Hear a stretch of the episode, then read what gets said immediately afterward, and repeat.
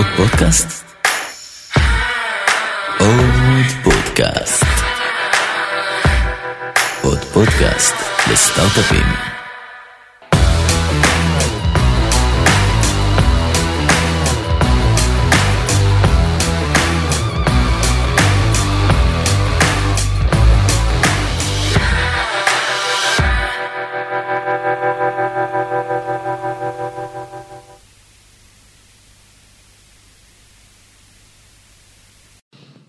טוב, אז אה, נראה לי שהתחלנו. גיל, אהלן, היי, מה העניינים? חם ומגניב, חם ומגניב. נמצא איתנו פה גיל הירש, גיל, מה שלומך? כאמור. כאמור, חם ומגניב. אה, ספר קצת למאזינים למי שלא מכיר, על עצמך, על הרקע שלך ועל מה אתה עושה היום. היי, אני גיל. אמ, הטייטל היחיד שאני חושב שיש לי שהוא רשמי, אני co-founder בסטרים אלמנטס, והיום אנחנו מדברים מתוך המשרדים שלהם, כי אה, פה גם ראם, למי שלא יודע, מקליט את אה, גיקונומי. נכון, אחלה ו- פודקאסט. אחלה פודקאסט, ובנוסף אני, אני, אתה יודע, אני משקיע בחברות, אני לא משקיע גדול, אני משקיע angel קטן, וגם אה, מייעץ בענייני product. ומה עשית קודם לכן? קצת על המסע והרקע שהביא אותך עד הלום. אז לפני זה, התפקיד לפני זה היה בפייסבוק, הייתי מנהל מוצר שם, אה, זה היה בין 2012 ל-2016. הגעתי לשם אחרי שמכרתי להם את החברה, את, אה, את face.com, הייתי המנכ"ל שלה, החברה. החברה שלי, גם שלנו, ומשם אה, המשכתי בתוך פייסבוק לעשות את, אה, אה, זאת אומרת, אה, הייתי חלק מאלה שהקימו את הקבוצת AI, אבל אחרי זה מהר מאוד פר- פרשתי הצידה לצוות של מסנג'ר, שם הייתי אה, מנהל מוצר, בעצם אחד משני המנהלי מוצר שעשו את ה pivot מ messaging שהיה אז למסנג'ר, האפליקציה הנפרדת, מה שהוביל אחרי זה לרכישה של וואטסאפ, אה, ו- ומאותו רגע שרכשנו גם את וואטסאפ יצא לי להעביר מהמפרסים, כי כל מה שרציתי לעשות זה לנצח אותם, אז אה, עברתי לצד של אה, להרוויח כסף, לצד של הפרסום, ולא ידעתי כלום על פרסום, אז התחלתי שם את הכל מאפס אה, מבחינתי, ועשיתי שם כמה תפקידים, בסוף ניהלתי את יחידת הטרגטינג, כמה שנים היית בפייסבוק in all? אה, סדר גודל של ארבע שנים. ארבע שנים. שלוש מתוכם בקליפורניה ועוד שנה אחת פה מהארץ. אוקיי, אז נראה לי שככה דיברנו לפני הפרק קצת על כל מיני דברים שאפשר לדבר עליהם. יש משהו ספציפי שהיית רוצה לגעת בו בתור התחלה? מה שאתה רוצה, אני, אתה מכיר את הקהל מאזינים שלך יותר טוב אפילו ממני, אבל תראה, בדרך כלל אני מדבר על אה, נושאים שקשורים ב product, אה, אז קודם כל אני מתנצל מראש למי ששמע אותי מזיין על זה את המוח כמו בפודקאסטים אחרים, אבל... surprise, גם הפעם נדבר על product. אבל אני חושב שתראה, דיברנו קודם, לפני שהתחלנו את נכון. השיחה, שבגלל שהקהל הוא מתעניין ביזמות, ובסופו של דבר זה מה שאני מתעסק בו בעצמי ביומיום, מכל מיני זוויות, אז, אז איך, איך חשיבה של product יכולה לעזור ליזם, אפילו אם הוא הבן אדם היחיד בחברה כרגע, זאת אומרת, ממש איך אני כיזם בתחילת הדרך מסתכל על המיזם שלי ברמה האסטרטגית, ומתוך זה גוזר משמעויות ל product, ומתוך זה גוזר משמעויות ל execution. מתוך זה אתה יכול בעצם להפוך כל דבר שאתה עושה בחברה שלך להרבה הרבה הרבה יותר אמ, קל. אני אשתמש במילה הזאת בזהירות, אבל אני חושב שבאמת אתה עושה לעצמך חיים הרבה יותר קלים, אתה מתחיל נכון, כל תהליך חשיבה, ואני מדבר על הכל, כל החזיתות. אה, קודם כל החזית שמעניינת את רוב האנשים זה מול המשקיעים, מול לקוחות, אה, מול עובדים ומול גיוסי מפתח שאתה צריך לעשות, בדרך כלל קצת יותר בהמשך הדרך, אבל, אה, אבל בסוף היכולת שלך לשכנע אנשים אחרים, אה,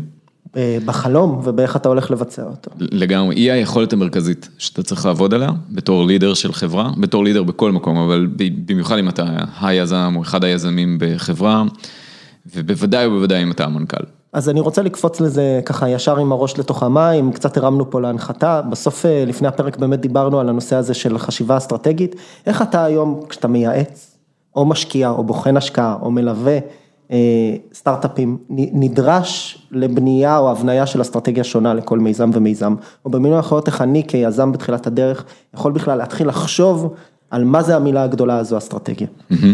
אז תראה, אני שואל את עצמי שלוש שאלות מרכזיות, זה כמו checklist. אחד, זה מה ההזדמנות פה.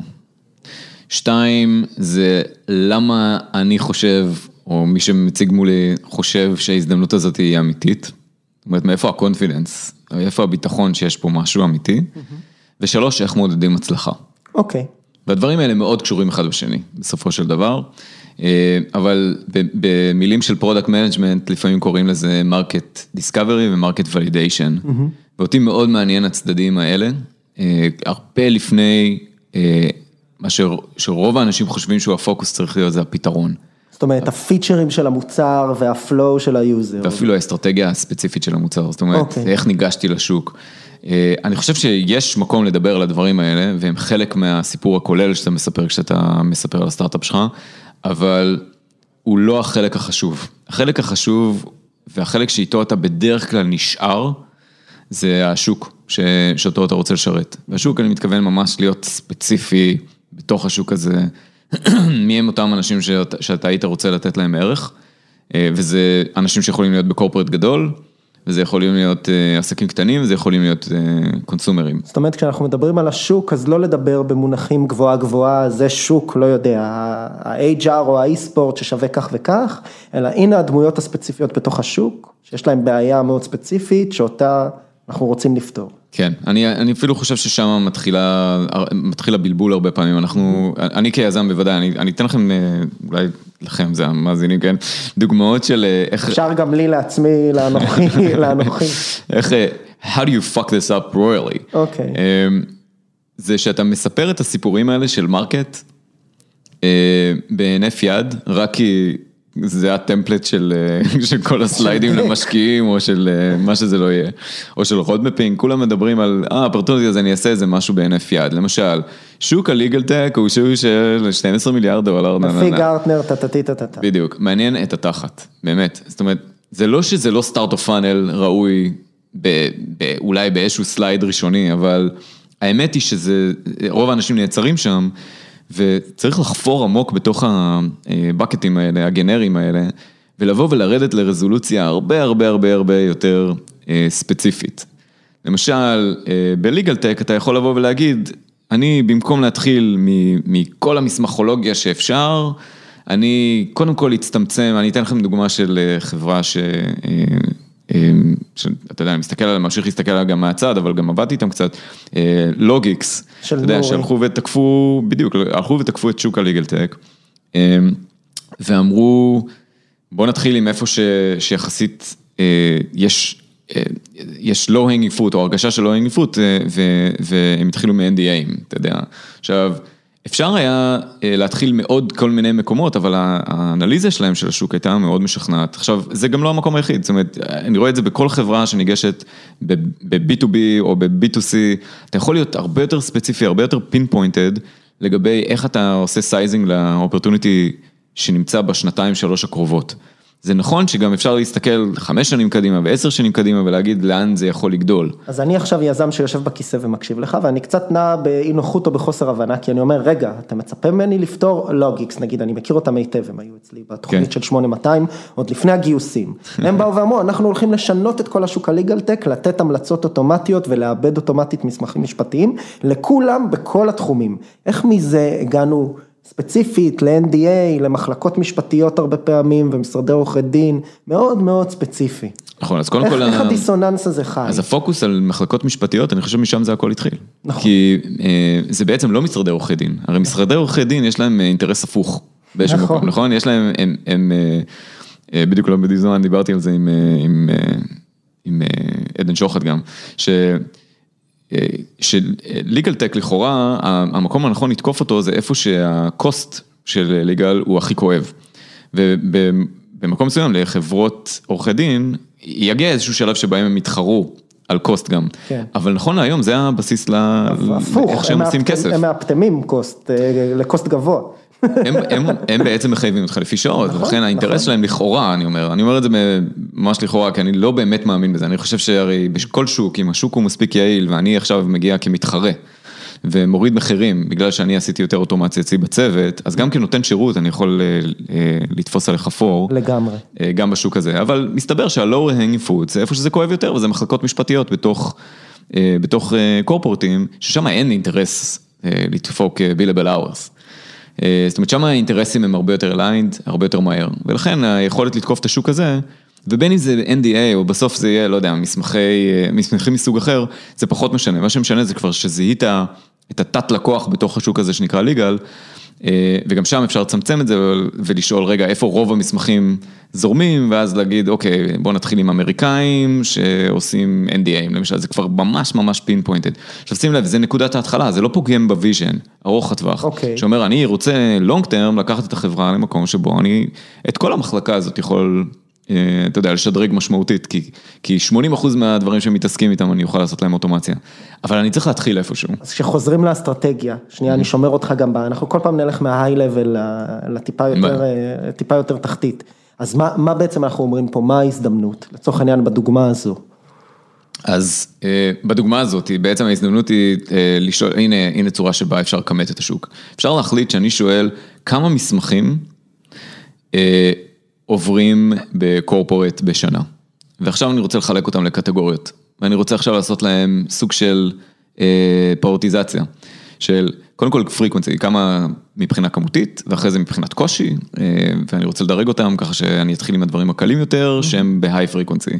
בסדר, ואחרי זה אני אגע לדברים שהם יותר קשים, ועוד פעם, frequency אה, הוא, הוא בדרך כלל, הוא בדרך כלל גורם מאוד משמעותי בחשיבה על ערך. אה, אני מאוד ממליץ תמיד ללכת על דברים שהם high frequency, כי אז יש, יש גם מנגנון שאתה יכול לבדוק retention עליו. אה, הרבה יותר מהר, במקום לעשות דברים שקורים רק פעם ב... כן, לצורך העניין. חוזה, חוזה העסקה, M&A, כן. לא, חוזה העסקה קורים המון, אבל אה, למשל אם זה corporate של, אתה יודע, לא, 5,000 קור- עובדים, אז זה קורה המון. צודק, חוזר בי. אבל לבוא, ויכול להיות אבל שזה קשה, כן? זאת אומרת, אני לא, אני לא יודע אם זה קל או קשה, אז צריך לשאול את החבר'ה של לוג'יקס. אני יכול להסתכל איתך על האמת, בוא ניקח דוגמה אחרת, StreamElements. StreamElements פועלת בתחום, בעצם בתחום ה entertainment, זה עסק במדיה.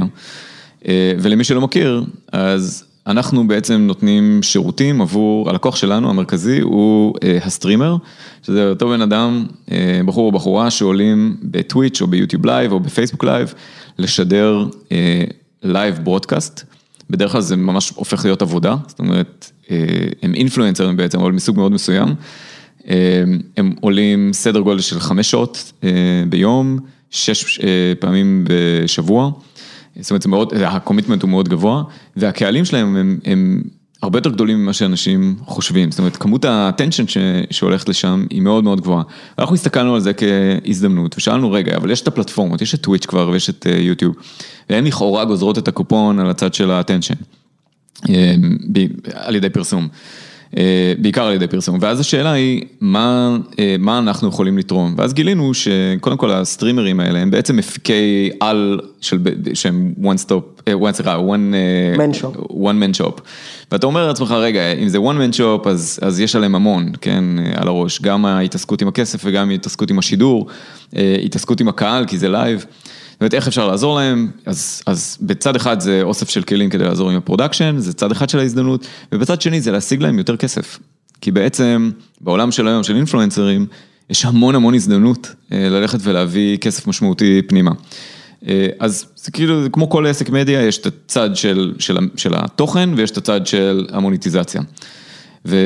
וזה בעצם StreamElements, זה איך אנחנו עוזרים להם במוניטיזציה, בעיקר מוניטיזציה של influencer marketing או קמפיינים מהסוג של sponsorship ולא פרה-רולים. ומ- וממה התחלתם? אז זה התיאור בגדול, הנה שוב, זה כאילו ההזדמנות. כן, ממה- התחלתם? יפה, אז אנחנו התחלנו דווקא מלכבוש את הקריאטורים, זאת אומרת לתת להם שירות שהוא מאוד מאוד valuable, אה, רובו היה בחינם לגמרי, זאת אומרת בלי קופון שהיינו חותכים, ולמה? כי אמרנו בצ'יקן אג הזה של, אה, אם תרצה מהצד של האדרטייזר זה אינבנטורי וכסף. supply ו-demand, כן. אה, אז הסופליי פה הוא האינבנטורי, זאת אומרת זה הדקות צפייה אה, של החבר'ה האלה, איך אנחנו נבנה קורפוס של מספיק דקות צפייה כדי שנוכל להתחיל למשוך אדברטייזרס. אז התחלנו בזה ושמנו לעצמנו יעד, אנחנו רוצים, אני זוכר ממש בשנה הראשונה היינו מאוד אגרסיביים, אמרנו סדר גודל של 30 אחוז, זה היה אפילו הגול, 30 אחוז מה, מה-weekly active streamers, אנחנו רוצים אצלנו. זאת אומרת, מדדנו מה זה ה-100 אחוז, והחלטנו שאנחנו רוצים 30 אחוז מזה כבר בשנה הראשונה. 30 אחוז מה-weekly active streamers איפה? ב Twitch? ב Twitch, כן. אנחנו, זאת אומרת, כל מי שהוא מקליט actively ועושה streaming actively, פעם כן. בשבוע לפחות, צריך להיות אצלנו. בדיוק. איך אתה משכנע אותם לעבור מ Twitch, שזה destination site גם עבור חלקם? לא, הם, לא, הם נשארים ב Twitch, אנחנו אוקיי. בעצם נותנים להם את השירות מעל, מעל מעל Twitch. Twitch, אוקיי. אנחנו בעצם לא מתחרים בפלטפורמות ישירות, אנחנו עוד גורם ב ecosystem, שהוא נמצא בצד של ה streamer, של היצרן תוכן, שזה אגב עוד תפיסה של מה ההזדמנות פה, כי אתה שואל, אוקיי, יש ב-value chain הזה של יצירת תוכן, יש את ה... אה, יש את הצופים, יש את הפלטפורמות, יש את יוצרי התוכן, ויש את המפרסמים. אה, אבל בצד, בפינה של היוצר תוכן, אין כמעט אף אחד. כי לפלטפורמה אכפת הרבה יותר, קודם כל מהיוזרים שלה, מהצופים. ברור. ואחרי זה מה מפרסמים. זאת אומרת, אם יש, אני, אני עושה פה הפשטה כמובן, אבל אה, כן. רק- אם אתה רק- מסתכל על רק- המטריקות שלהם, רק- זה המטריקות. רק סליחה שאני קוטע אותך, רק כדי להמשיג למי שלא מכיר או פעם ראשונה שומע על אי ספורט, יש הבדל בין יוצרי התוכן והסטרימרים, שזה אלה שמשחקים וגם משדרים את עצמם, לבין אנשים שפשוט משחקים או צופים פסיבית. נכון, אוקיי. כן, זה כן. כאילו יש פה שני סוגים של יוזרים ואת המפרסמים. נכון, אני בעצם לא קורא ל streamer user, אני קורא לו ה creator או ה content, או ה influencer או ה content creator. וה... והם הם הלקוח שלנו, זאת אומרת, הם האנשים שלהם, שלהם אנחנו נותנים את השירות, רק במקום לעשות את זה כ SaaS, אנחנו עושים את זה במודל של אנחנו מביאים כסף לשולחן ואז לוקחים קופון על הכסף הזה. עכשיו, הגענו למודל הזה באבולוציה, כן, זה לא היה מיד בהתחלה, אבל כן זיהינו מיד בהתחלה שאף אחד לא נמצא בפינה של הסטרימרים, של הקריאטורים. אה, ויש לנו פה הזדמנות להיכנס, וב live video streaming, המקום של production value, לעזור- להם עם ה production עצמו, הוא, אה, הוא low hanging fruit, ולכן נכנסנו שם. אז אם שנייה חוזרים שוב ל high level, לאסטרטגיה, אז הבנו, דיברנו פה כבר על שתי דוגמאות, אחת בתחום ה- SaaS B2B legal tech, והשנייה בתחום ה... בוא נקרא לזה כזה B2B2C. אה, זה prosumer media, כזה, כן. בדיוק. אה, בתחום המדיה e-sport, אז הבנו את ההזדמנות, אפילו עשינו איזשהו reduction לבקטים לכל שוק ושוק והבנו מה הבעיה.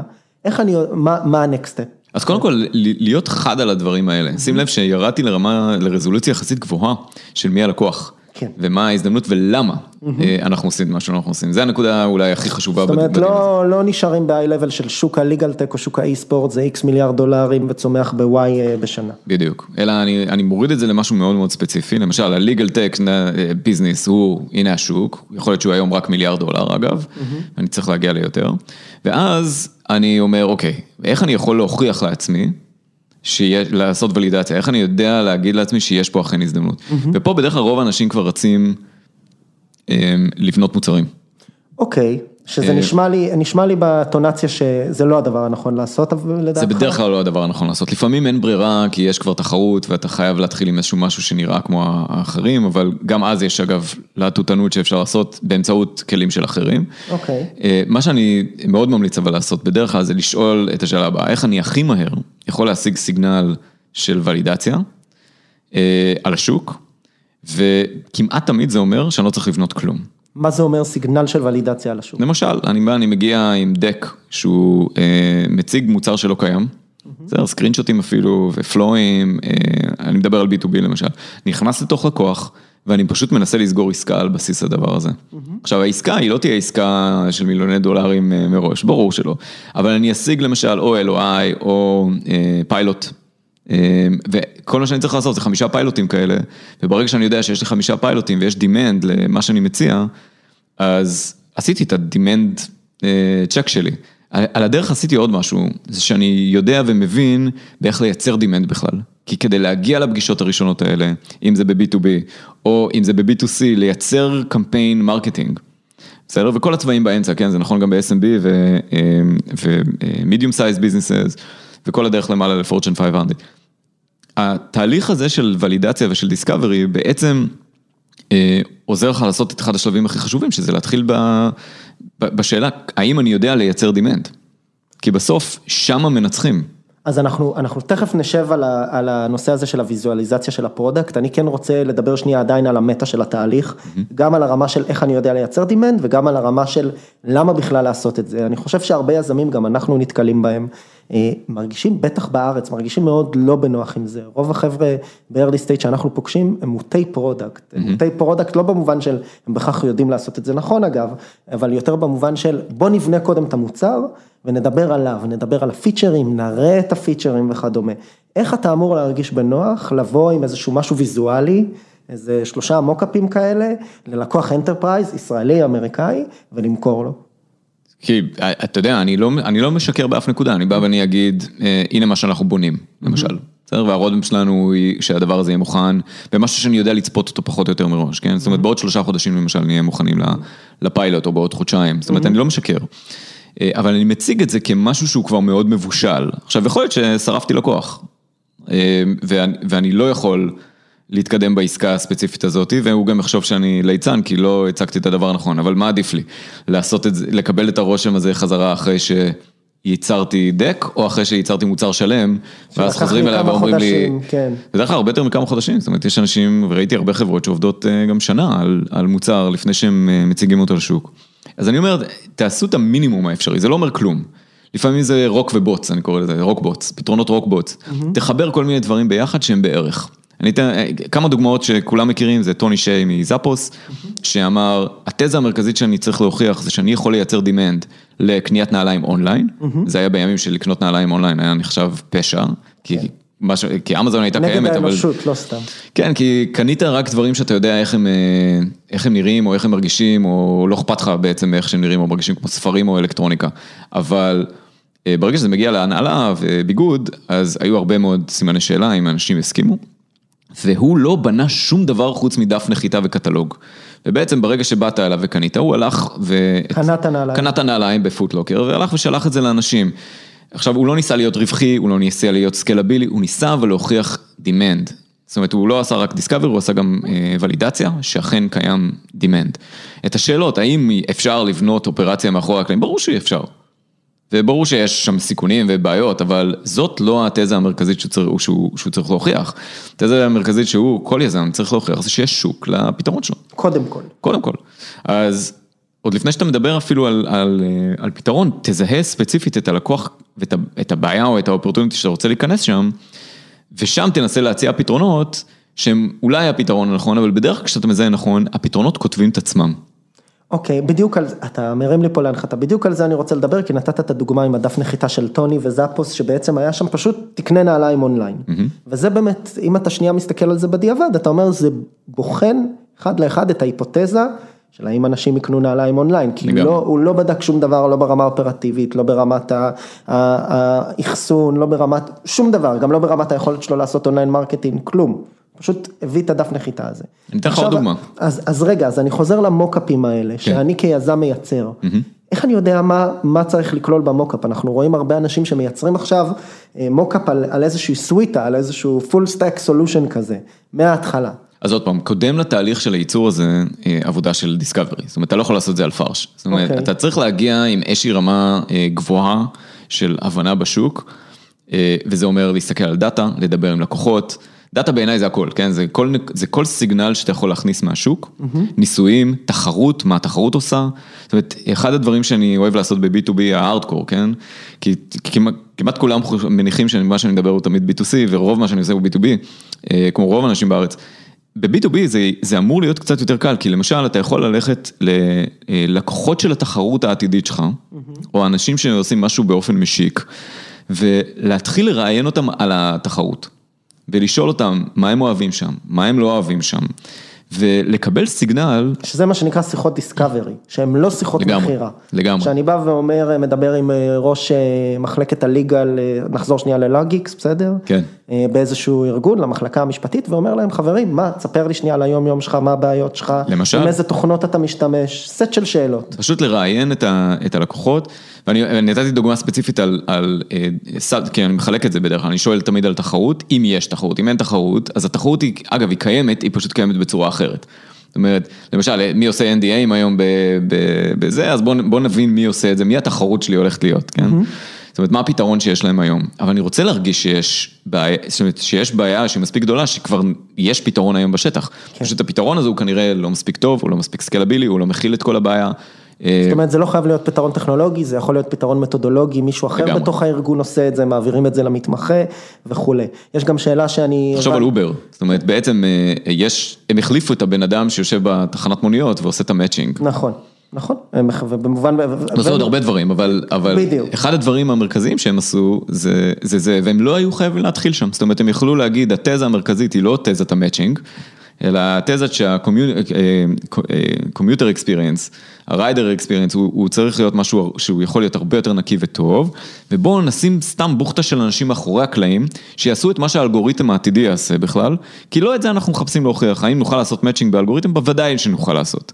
אותו דבר Airbnb עשו, בסדר? Airbnb גם אמרו, בוא נשים פרסומת של, זאת אומרת הראשונה הייתה ממש בכנס אה, של אה, design בסן פרנסיסקו, אבל הניסוי השני שלהם כבר היה ב-South by Southwest באוסטין, ושם הם כבר הידקו את התזה שלהם, שאנשים מוכנים אה, אה, לישון בבתים של אחרים, ולשלם שהם. like minded, כן. אתה יודע, במקום בתי מלון, אבל שה events אה, אה, יוצרים את ה trust, ו trust הוא core value אה, שאתה חייב להתגבר עליו, כי זה בדיוק מה שהבית מלון נותן לך ביחס ל- לישון בבית של מישהו, אתה, אתה יודע למה אתה נכנס, בסלון שלו. בדיוק, אתה, יש כל כך הרבה שאלות שמסתובבות לך בראש, גם כלקוח וגם כהוסט.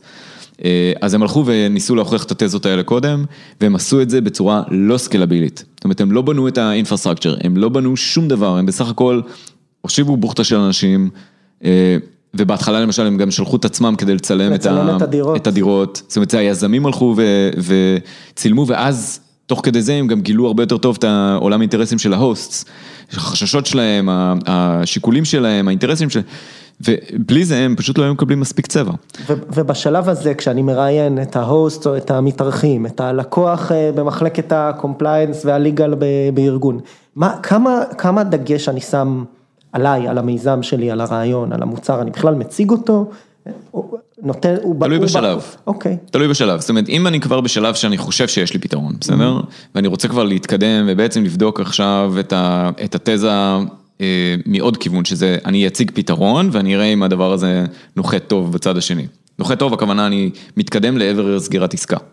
בסדר? זה, זה צעד ראשון ב pipeline מכירות העתידי שלי. אה, אז, אז, אז אני לא אתנהג כאילו אין לי פתרון, מן הסתם אני אתנהג כאילו אני בא עם אינטרס של למכור לך איזה משהו ספציפי, אבל אני גם אז את השיחה אתחיל מה... אני רוצה להרשים אותך בתור לקוח מההבנה שלי של האופרטוניטי. ובגלל שבשלב הזה אני כבר בדרך כלל דיברתי עם יותר מבן אדם אחד, אז אני פתאום יכול להביא לו ערך עולה בזה שאני מציג את הבעיה מעיניים של קולגה שלהם בחברה מתחרה או בחברה אחרת בכלל. בסדר? דיברתי עם ה-CIO של שלוש חברות והנה הנה ההסתכלות שלהם. ויכול להיות שההסתכלות שלהם היא, היא קצת שונה ולפעמים זה בניואנסים ולפעמים זה ממש מהותית שונה. אבל לפחות הבן אדם מרגיש שהוא מקבל ממני איזשהו אה, value. איזשהו תמונת שוק שהוא לא קיבל קודם. למה? כי אני ירדתי לרמת הדיטיילס אה, שהיא מספיק אינטימית כדי שהם ירגישו שאני מדבר בשפה שלהם. אז איזה, איזה שאלות, אני חוזר לזה, איזה שאלות בשיחת דיסקאברי ראשונה כזו אני צריך לשאול, אם יש לך כמה בשלוף, שאיתם אני בכלל מתחיל. תראה, אה, אני בדרך כלל אגיע עם עבודת הכנה, זאת אומרת, גם הבן אדם שאני הולך לפגוש אותו, אני אמור לדעת עליו כמה שאני רק יכול מהאינטרנט, אה, מהלינקדאין, מי הבוסים, מפה, משם. אה, גם מאוד, אה, אה, זה גם התחיל באיך הגעתי אל הבן אדם הזה, זאת אומרת, מי עזר לי בלתפור את האינטרו, ו- ומה הקונטקסט שנתתי כדי להגיע לשם. זאת אומרת, העבודה מתחילה הרבה קודם. בפגישה עצמה כבר, בדרך כלל זה עוד פעם, זה נגזרת כבר, זה, זה, מי הבן אדם שאני פוגש, כי לפעמים בקורפרט אני ארצה לפגוש את כל הרמות, אני ארצה לראות את אלה שהולכים לגעת במוצר, ואת אלה שהולכים לקבל החלטה האם לעשות אדפטציה למוצר, שהם לא תמיד אותו בן אדם. אה, אז אני רוצה לגעת בכולם, ובכל אחד אני אשאל שאלות אחרות. למשל, שאלה אחת שאני ממליץ את כולם לשאול, אבל זה איך אתה מודד הצלחה. זאת אומרת, ואנשים שקשה להם עם חשיבה כמותית, אז איך נראה שבוע טוב, או איך נראה חודש טוב, או איך נראית שנה טובה. אוקיי. בסדר? אני קודם כל רוצה להתחבר לרמת, לאינטרסים שלהם. וככל שאני יותר אינטימי, אני גם מגלה את האינטרסים החבויים. זו שאלה, רגע, אני רק מחדד, כי אמרת שזה גם חלק מהאסטרטגיה בשלוש שאלות הגדולות, זו שאלה שאתה שואל את הלקוח בשיחת דיסקאברי. כן, איך אתה מודד הצלחה? כן. זה, אני שואל את זה גם את רוב הסטארט-אפים ברגע שאני מתחיל לא להבין על מה הם מדברים איתי. אוקיי. אני אומר, רגע, אומר, מה יחשב הצלחה? עצור, עצור, עצור. אני שואל, כן, מה יחשב הצלחה? אוקיי. ואיך הייתי מודד את זה? כי זו שאלה שמורידה את הכל ל- ל- לרצפה מאוד מהר. ורואה גם כמה הבן אדם מדויק עם. המדדים שלו. כי אם אתה לא יודע לספור, אני זרקתי לך למשל שבסטרים אלמנט ספרנו weekly active streamers, איך הגענו ל-weekly active streamers, זה, זה צורה של לכמת את השוק, אבל רק אחרי שהבנו את השוק. שהבנו למשל שאם אתה לא weekly active, אז אתה בכלל לא, אתה יכול להיות אחד מהשלושה מיליון שעלו אי פעם לשידור, אבל הם לא מעניינים. ואתה לא עושה כסף. אתה בא בדיוק. אז, ואחרי זה שאלנו את עצמנו גם, אה, אגב, בשכלול של המטריקה הזאת, זה איפה רוב הדקות הולכות. כן. וששם אנחנו רוצים להיות. אוקיי. היכולת אה, למדוד אה, הצלחה בצורה כמותית היא, היא נושא מאוד מאוד, אה, זה נייר לקמוס מאוד מאוד קל לשימוש, וגם מאוד קשה להגיע אליו, הרבה יותר קשה להגיע לזה ממה שאנשים חושבים, כי אתה צריך באמת להבין את השוק שלך, כדי לבוא ולהגיד, רגע, במסנג'ר למשל, למה ספרנו message sends ולא, לא יודע, daily actives? אז עצור, בוא נגיד, הנה, תן את, הד- אם אתה יכול לתת, אתה יכול לתת את הדוגמה של אני יכול לתת, מסנג'ר? אני, אה, כל דבר שהוא ציבורי אני יכול לתת. אוקיי, סבבה, אז נגיד מסנג'ר, מוצר, ש... מוצר שכולם מכירים, נכון? כן. מסנג'ר של פייסבוק, מה היה מדד ההצלחה שם? אנחנו מדדנו את כל השוק לפי message sends, וזה אומר שלמשל לא send ו receive ולא דברים מורכבים מדי, למה? כי מטריקה טובה היא proxy לערך בשוק, אוקיי, ואני טוען שאם אנשים עושים send כנראה שהם מקבלים ערך, כנראה שעונים להם, וכנראה שאתה יודע, שיש משהו אה, טוב, אבל שים לב שלא מדדנו מספר יוזרים, ולא מדדנו את מה שנקרא sends per sender או engagement. זאת אומרת, לא, לא, כן, כי- לא, לא על כמה משתמשים שונים נשלחו המסנג'ר. גם את אלה מדדנו, ואגב המספרים אה, ש- שפייסבוק כן מדווחת באופן אה, מתודי, זה את ה-monthly actives. ברור. עכשיו, זה לא שאתה לא מודד את, את הדברים האחרים, אבל אתה שואל את עצמך, רגע, מה הפוקוס שלי? עכשיו, בין monthly actives, שזה פונק, אה, זה, זה מטריקה מאוד איטית ללכת ולמדוד, לבין uh, sends, שזה uh, מטריקה שאתה יכול באותו יום כבר לקבל תוצאות. Uh, קודם כל יש הבדל ב, ביכולת שלך למדוד uh, זמן תגובה של השוק לניסויים שאתה עושה עליו. שתיים, uh, זה עניין של היררכיה. זה לא שלא אכפת לי מספר המשתמשים, אבל בזה שאני מודד את סנס, אני בעצם מאפשר אה, לשני אה, ליברים אסטרטגיים לעבוד. אחד זה sends per sender, stickers, דברים מהסוג הזה, שמעלים את כמות ה sends על כל user שכבר קיים בפנים. לעומת, או groups, אתה יודע, לעומת אה, להגדיל את ה network אה, שלי, שזה כמובן משהו שהוא אה, אסטרטגי עבורי, אבל אני רוצה לעבוד על שניהם, כנראה על שניהם במקביל, ולהעמיק את הם, היכולת הם שלי לעשות בעצם את שניהם. שניהם נגזרות של המטריקה. בין נגזרות של. sends, בדיוק. אז ואז אתה אומר, בגלל זה אנחנו מסתכלים קודם כל על ה sends. כן, למשל. ואתה אומר, זה דיון שעשינו, עשינו אותו, לא רק זה, אלא גם כשאתה. אתה מודד את שאר השוק ככה, אתה אומר, אוקיי, לא יודע, אם בלקברי או, או iMessage עבדת, אז, אז בוא נכמת את כל השוק עכשיו עם המטריקה הזאת שהחלטנו להסתכל עליה, ונראה איפה אנחנו ביחס. ונסתכל גם על הכל אחורה. אני רוצה אוקיי. עכשיו למדוד את הכל אחורה, ו- וכאן אני אעשה גם ולידציה בדרך כלל למטריקה שלי, ועוד אוקיי. פעם בקונסומר זה יותר קל.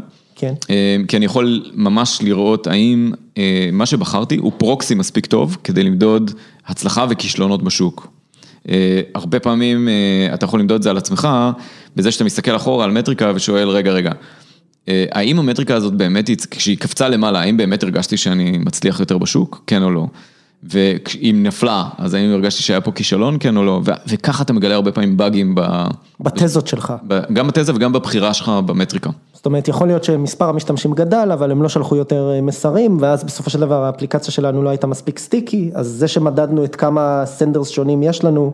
לאו דווקא... מטריקה טובה, היא proxy לערך, קודם כל, ולא לכסף, אגב. זאת אומרת, היא יכולה להיות proxy בהמשך בהמשך של כסף, אבל היא לא- לא צריכה להיות כסף, למשל, אז מי ש- למדוד אז מי שאומר, אני מודד MRR, זה לא רלוונטי, למה לא? לא, כי קודם כל MRR, בעיניי זה, זה, זה להראות, עוד, פעם, זה לא שאתה מדו, לא מדווח MRR ו-MRR churn ואת כל הדברים האלה, אבל בסופו של דבר אני לא רוצה למדוד MRR. א', כי MRR היא trailing מטריק, אני נותן בדרך כלל את הדוגמה פה של, נניח שאתה מנהל עכשיו חדר כושר, ואם אתה מודד MRR, אז אתה מודד את מי שמשלם לך עכשיו את החודשי. נכון. אבל, אבל בדרך כלל ההחלטות האלה הן פעם בשנה, כי אה, נתתי, נתתי, או חצי שנה, אתה יודע, כי עכשיו נתתי גם אפשר מבצעים. לבטל, אז אה, בכלל. ועכשיו כשאני, כשאני בא לחדש, אני מרים לך טלפון, אני אומר, היי גיא, תקשיב, אה, עומד להיגמר לך זה, יש לנו עכשיו מבצע, ידה ידה ידה, ואתה אומר, היי הבן זונה, אה, אני אפילו לא בא אליך בארבעה חודשים האחרונים ולא שמת לב. אה, זאת אומרת, ה churn כבר קרה מזמן, ועכשיו להציל אותך, זה, יש לי אפס סיכוי. לעומת זאת, אם אני אעבוד על, אה, על ה cadence שבו אני חושב שהערך צריך לקרות, שזה מינימום weekly, כן, נגיד כמות ביקורים שבועית בחדר. שבועית, אני רוצה לראות כמה מבקרים שבועיים יש לי. אז אתה אומר, MRR יהיה הולך נגז- לבנות- MRR יהיה נגזרת של זה. בדיוק, MRR הוא trailing, הוא, לא- הוא, הוא נגזרת של ערך, הוא לא הערך עצמו. זאת אומרת, זאת אומרת, כי ערך מביא כסף, כסף לא מביא ערך. זאת אומרת, אתה מכניס כסף זה טוב, דבר איתי גם בהכנסות וב-MRR churn וב-lifetime value, דבר נכון. איתי ובכמה עולה לך להביא acquisition, דבר איתי, נכון. אבל קודם כל בוא ניכנס לא למוצר ולא לפיצ'רים, אלא למטריקה שמודדת הצלחה, ולערך. במוצר, בראי ההזדמנות והערך. בדיוק. עכשיו ב-Monday, זה בסדר גם להכניס אה, כסף פנימה, זאת אומרת ב-Monday, אני אתן דוגמה, ב-Monday למשל, יש להם מסך גדול, אתה רואה את ה-MRR, אתה רואה את ה-churn, אתה רואה את ליין מטריק שלהם יותר נכון, מהכל, שזה נכון. weekly active paying people, אוקיי, אוקיי? זאת אומרת, הם לא מודדים אקאונטים, אלא מודדים seats אוקיי. שמשלמים. מה ההבדל בין. אקאונטים ל seats למי שלא מכיר? מה זה? מה ההבדל בין אקאונטים? account הוא החברה שמשלמת, אוקיי, סבבה. אבל יכול להיות שיש לי חמישה אנשים בצוות, ויכול להיות שיש לי 20. 500. נכון. בסדר, אז קודם כל זה כבר שגיאה למדוד אקאונטים, כי אני לא יודע להבדיל בין גדולים לקטנים.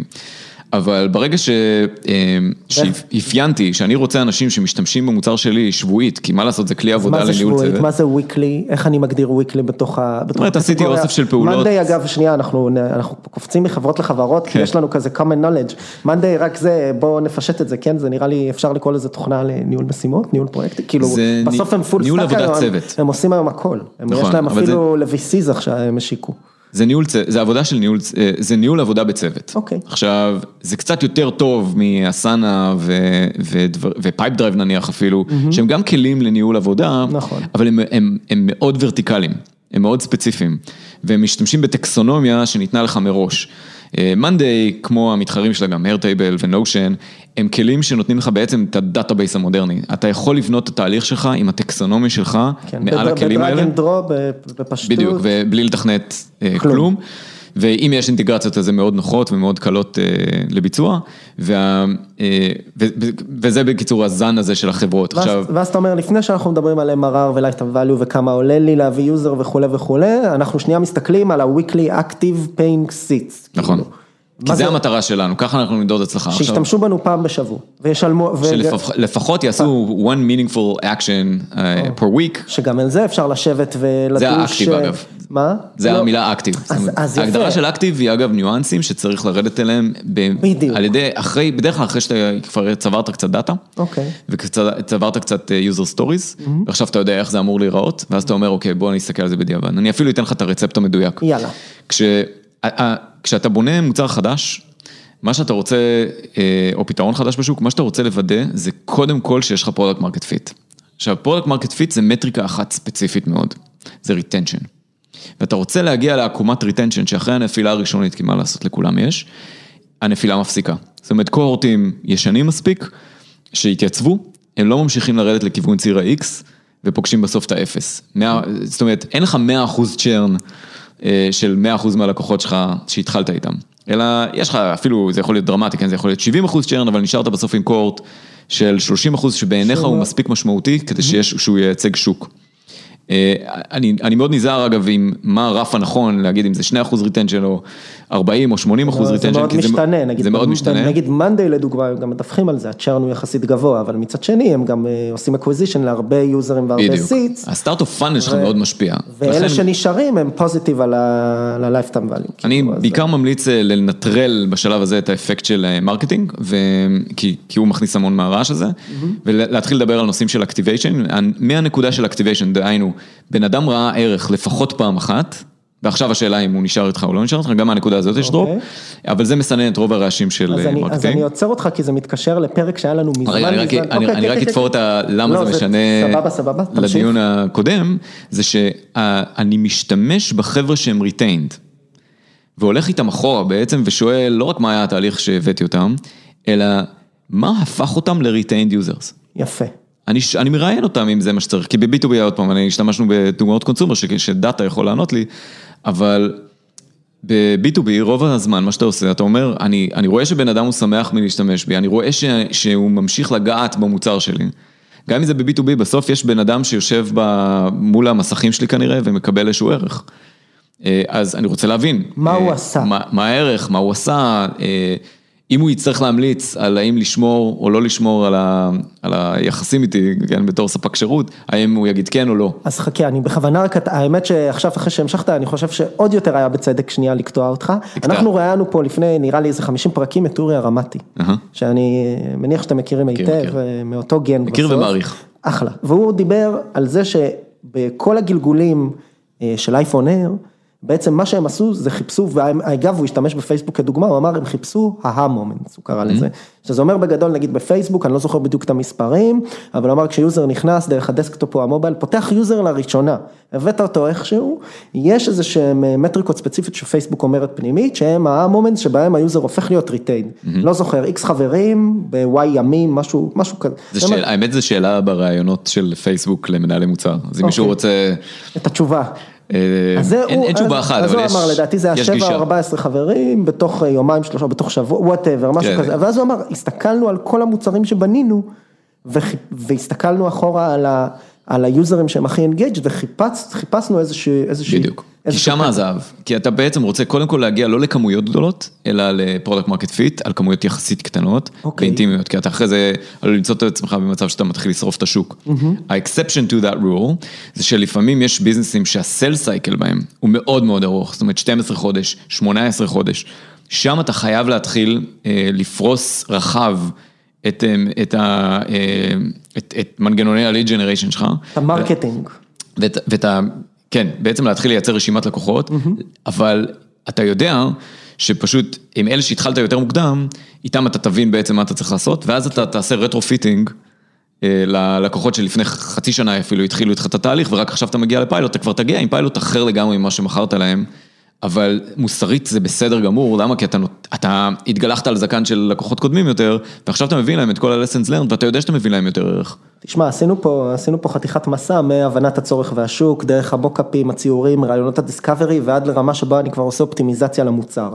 איך אני, איך אני בסוף יודע מה, מה למדוד? אחרי שכבר, אחרי שכבר עשיתי discovery, הבנתי את השוק, בסדר? ציירתי את ה mockups, הלכתי ללקוחות, קיבלתי ולידציה על איזשהו killing feature שגם מתאים להיפותז, להיפותזה הראשונית שלי.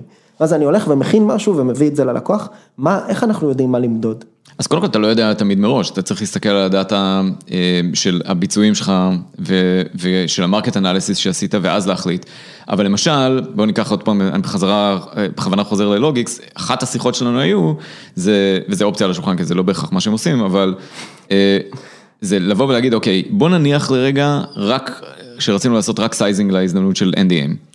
אז קודם כל אני שואל, כמה NDA מסתובבים בעולם? שים לב, אני פתאום חוזר ואומר, אני רוצה למדוד את ה... חוזר להתחלה. אני אומר, אם היחידת ערך היא אה, NDA אוטומטי, כן, NDA שאתה מוריד לי מה, מהסדר יום, אז קודם כל בוא נראה כמה כאלה יש. ואז בוא נמדוד את כל השוק במושגים כאלה, ואז בוא נגיד כמה מתוך השוק הזה אני רוצה לאכול אה, בשנה, שנתיים, שלוש הראשונות. ופתאום זה הופך להיות מאוד מאוד כמותי. עכשיו, האם NDA, לספור NDA זה הדבר הנכון? לא, יכול להיות שלא בהכרח, זאת אומרת, יכול להיות שאני, אה, אם יש הומוגניות מאוד גדולה בשוק, וכל המחלקות הן בערך אותה כמות אנשים ואותה כמות NDA, אז יכול להיות שמה שנכון לספור זה, זה את הלקוח.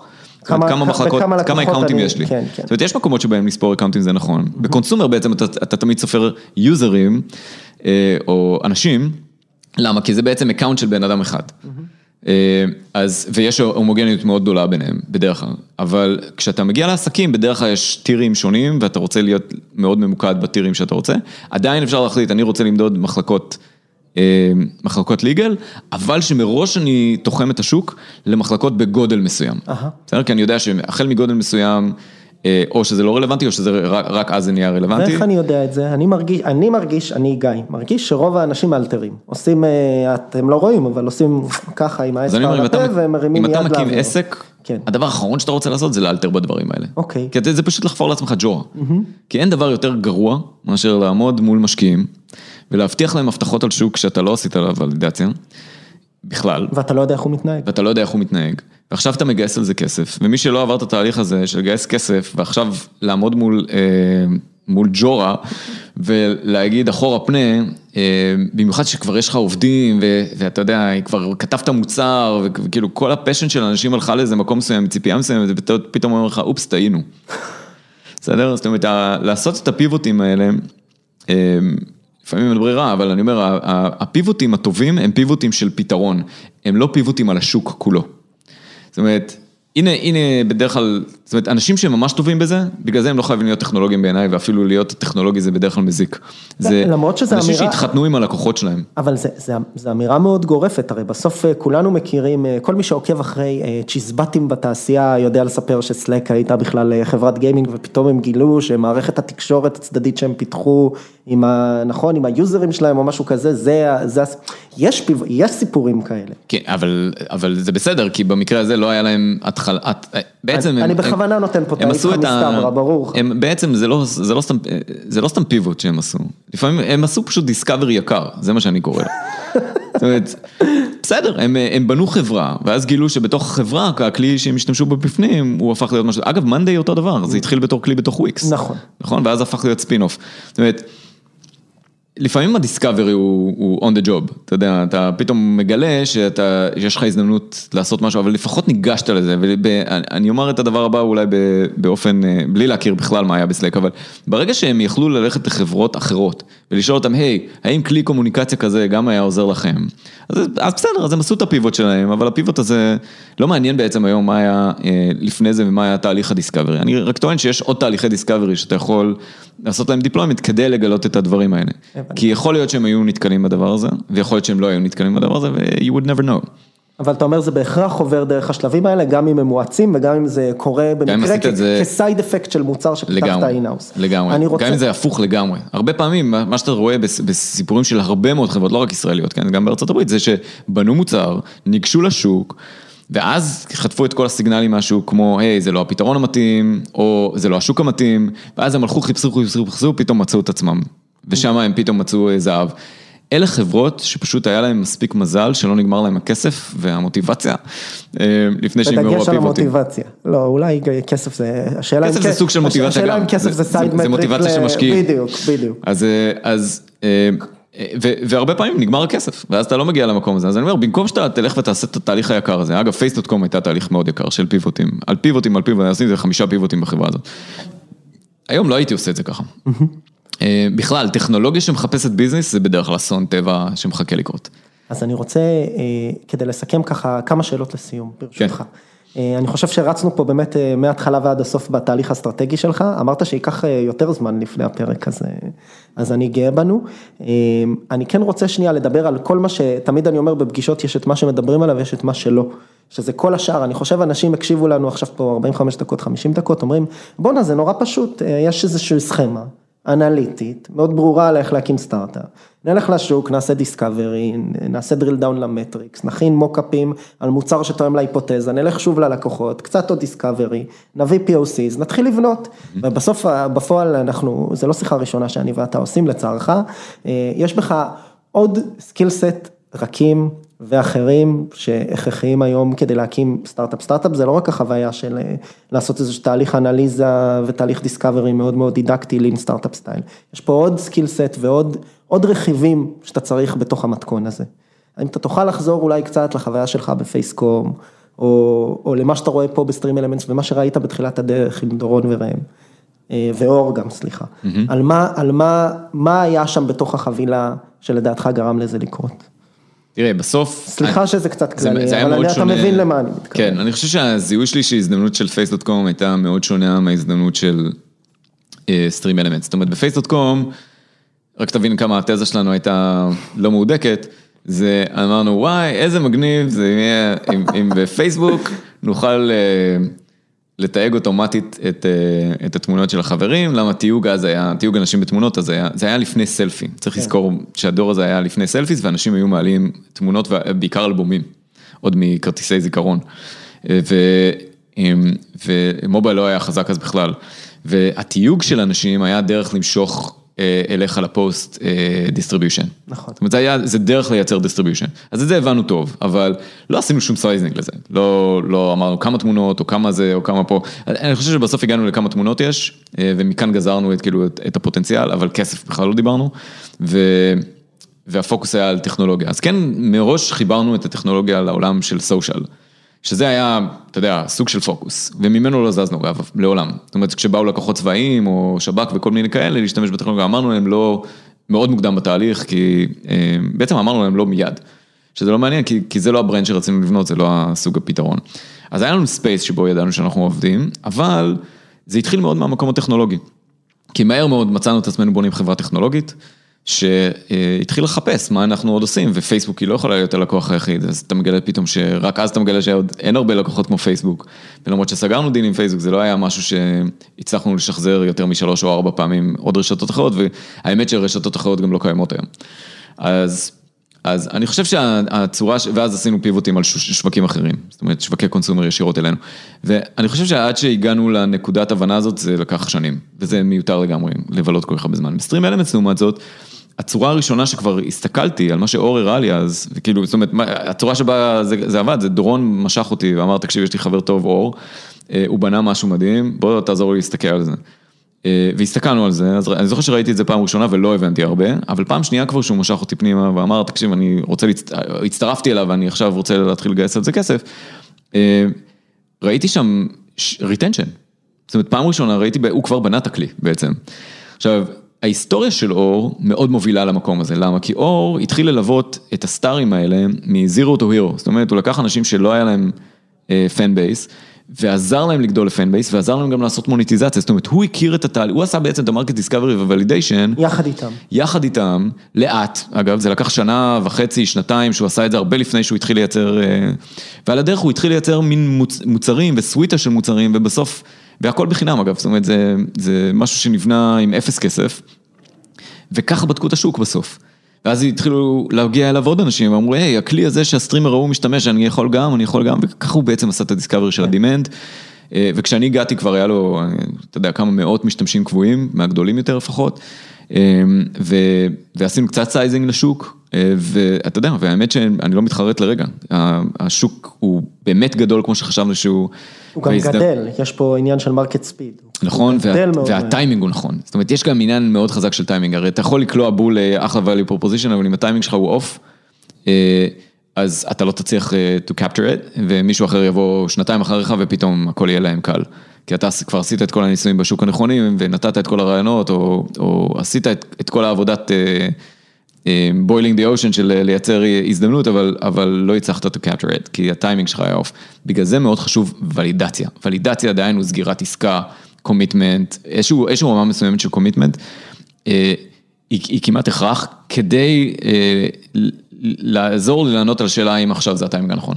איך יודעים, באמת, בוא נדבר על זה לסיום, טיימינג? הרי אה, בסוף אוקיי. גם בפייס, אני יודע שכאילו התייחסת לזה עכשיו, אבל גם ב Face.com אמרת, היה פה איזשהו משהו ב market שבדיעבד, ברטרו פרספקטיבה, וגם עכשיו ב StreamElements שנתיים אחורה, זה בדיוק היה הזמן, זה היה שוק שהוא גדל, הוא mature enough, אבל, אבל עדיין אין בו מספיק פתרונות. איך אני היום יודע, הרי היום רוב, ה, רוב היזמים, אלא אם אתה בא וממציא את SpaceX, אתה עושה קצת me too, תמיד, במשהו.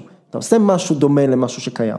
אפילו, אפילו LawGeex, בסדר? אה, בזמן שהם קמו, היה כמו פטריות אחרי הגשם, חברות, אה, ועדיין יש legal tech ש, שמתיימרות או לא מתיימרות להחליף, או עושות consumer ו LegalZoom וכולי וכולי, זאת אומרת, כן. הם לא הראשונים ב space. כן. אני, תראה, עוד פעם, אני, אמ, אה, הוולידציה שאני מדבר עליה היא בעצם הפתרון הזה. ולידציה זה אומר, תשיג את הדבר הכי קונקרטי שאתה יכול, שהוא אה, יראה אה, שני דברים, אחד, proxy ל retention, זאת אומרת שאנשים ממש רוצים את מה שאתה מציע, ושתיים, אה, כי retention קשה למדוד, כן, הוא ארוך טווח, אתה מודד proxy תמיד ל retention, זאת אומרת, מה ה-value שקורה מחר או שבוע הבא, שצריך לקרות כדי שאני אדע שאכן אה, אכן יש שם retention עתידי. אז אני, אני קודם כל עושה אופטימיזציה לשם, retention. ו proxies שהם חזקים מאוד, זה היינו commitment, סגרתי עסקה, אני עובד עם מוצר כבר, אה, נתתי פרומיל של המוצר אה, באיזושהי צורה, כן, ואני לא יכול לעשות לזה scale בלי עכשיו ממש לבנות משהו. זאת אומרת, אני צריך להגיע לאיזושהי נקודה ש, שאני מרגיש כאילו השוק מחכה לפתרון הזה עכשיו. ושיש לי עוד כאלה עכשיו. עכשיו, בדרך כלל הסימנים הם, הצלחתי לסגור עסקאות, עסק- יוזרים משתמשים במוצר שלי, עסקים קטנים, אתה יודע, הם committed, הם, הם כבר שילמו כסף. זאת אומרת, משהו שמראה לי demand חזק היום. זאת אומרת, ה signal יהיה ב business, בסוף. ה signal יהיה ב business. ב business, גם אם זה אגב משהו שהוא אה, לא אה, for profit. זאת אומרת, בעיניי זה יכול להיות גם בדברים שהם תנועות פוליטיות, או זה יכול להיות בכל דבר שאתה יכול רק לדמיין. אתה יכול פשוט לשים את זה בחוץ, לראות איך אנשים מגיבים לזה, ואם מגיבים לזה היום, אה, בצורה שהיא מראה קומיטמנט, למשל, הם תרמו לך כסף, או הם הצטרפו ועשו איזה משהו, לקחו על עצמם, לא יודע, להתנדב, או משהו. אה, זה עבד. אז זה כנראה עבד, שזה- כן, אתה שם איזשהו רף של אינטנט שהוא מספיק גבוה, כדי שאתה יודע שוואלה, אם זה הגיע לשם, אז זה כנראה הטיימינג הוא היום. גיל, איזשהו נושן לסיום? אפשר גם איירטייבל לסיום, או מנדי לסיום. אני, לא, אין לי איזה משהו חכם אה, מדי להגיד, אני רק אומר זה תהליך, תהליך שמתחיל מהאופרטוניטי, שהוא גם עונה על השאלה למה, למה זה חשוב, בסדר? זאת אומרת, למה זה חשוב? התשובה היא, הנה האופרטוניטי, בסדר? זה האופרטוניטי, ולתת לו הכי הרבה צבע שרק אפשר, אה, וממש לרדת לדקויות. ושתיים, לעשות ולידציה, גם מאוד מאוד חשוב. כמה שתעשו את השלבים האלה יותר מוקדם בתהליך שלכם, אתם תגלו שלהוביל את המשקיעים שלכם אחריכם, ולהוביל את העובדים שלכם אחריכם, ולהוביל את הלקוחות שלכם אחריכם, זה פתאום הופך להיות משהו שנהיה אה, הרבה יותר קל. זה, זה, זה סופר פאוור. אם, אם ישבתם אי פעם בשולחן דיונים, וראיתם איזה משהו שהוא דיון שהרגיש לא מתכנס, ופתאום איזה מישהו שם בשולחן, אה, פתאום באמצע השיחה הבאה הוא אומר, רגע, רגע, רגע, בואו ניקח רגע צעד אחורה. והוא אומר איזה אוסף של משפטים שכולם מהנהנים בראש, ו, ופתאום לוקח את הדיון למקום אחר, תשאלו את עצמכם מה קרה שם, בדרך כלל מה שקרה שם זה שאותו בן אדם, הוא או היא, לקחו את הדיון אחורה לרמה האסטרטגית, שאלו איפה האופרטוניטי, למה זה חשוב, איך אני יודע שזה חשוב, ו, ואם הם ממש עשו את העבודה שלהם טוב, הם גם כימתו את זה. זאת אומרת, הם באו ואמרו, כן, אבל אם עושים narrowing down, זה בסך הכל הזדמנות של עשרת אלפים דולר בחודש, לא שווה לנו ללכת למקום הזה, למשל. אז למה שלא נלך ל... לא יודע, ימינה או שמאלה, ששם יש יותר כסף. זאת אומרת, אלה הטיעונים שבסוף משכנעים אנשים, ומשם צריך לגזור את האסטרטגיית מוצר, ומשם צריך... top down כזה. מאוד לעבוד top down, ובארץ, אה, ביחס לארה"ב, פחות עושים את זה. זאת אומרת, אם אני כן רואה הבדל, זה שפחות עושים את זה, פחות חושבים פילוסופית, אם תרצה, על, על מה ההזדמנות בשוק, ואני חושב שזה שריר שאני מאמין שישראלים יכולים לעשות אותו בסוף יותר טוב מכולם. כי אנחנו כן אנליטים, ואנחנו לא חסר לנו שום דבר כדי לעשות את זה כמו שצריך. בגלל זה אני ממשיך לייעץ לחברות בארץ בתחום הזה. ועושה על זה פודקאסטים. ועושה על זה פודקאסטים. גיל, תודה רבה. בכיף. אני נהניתי מאוד.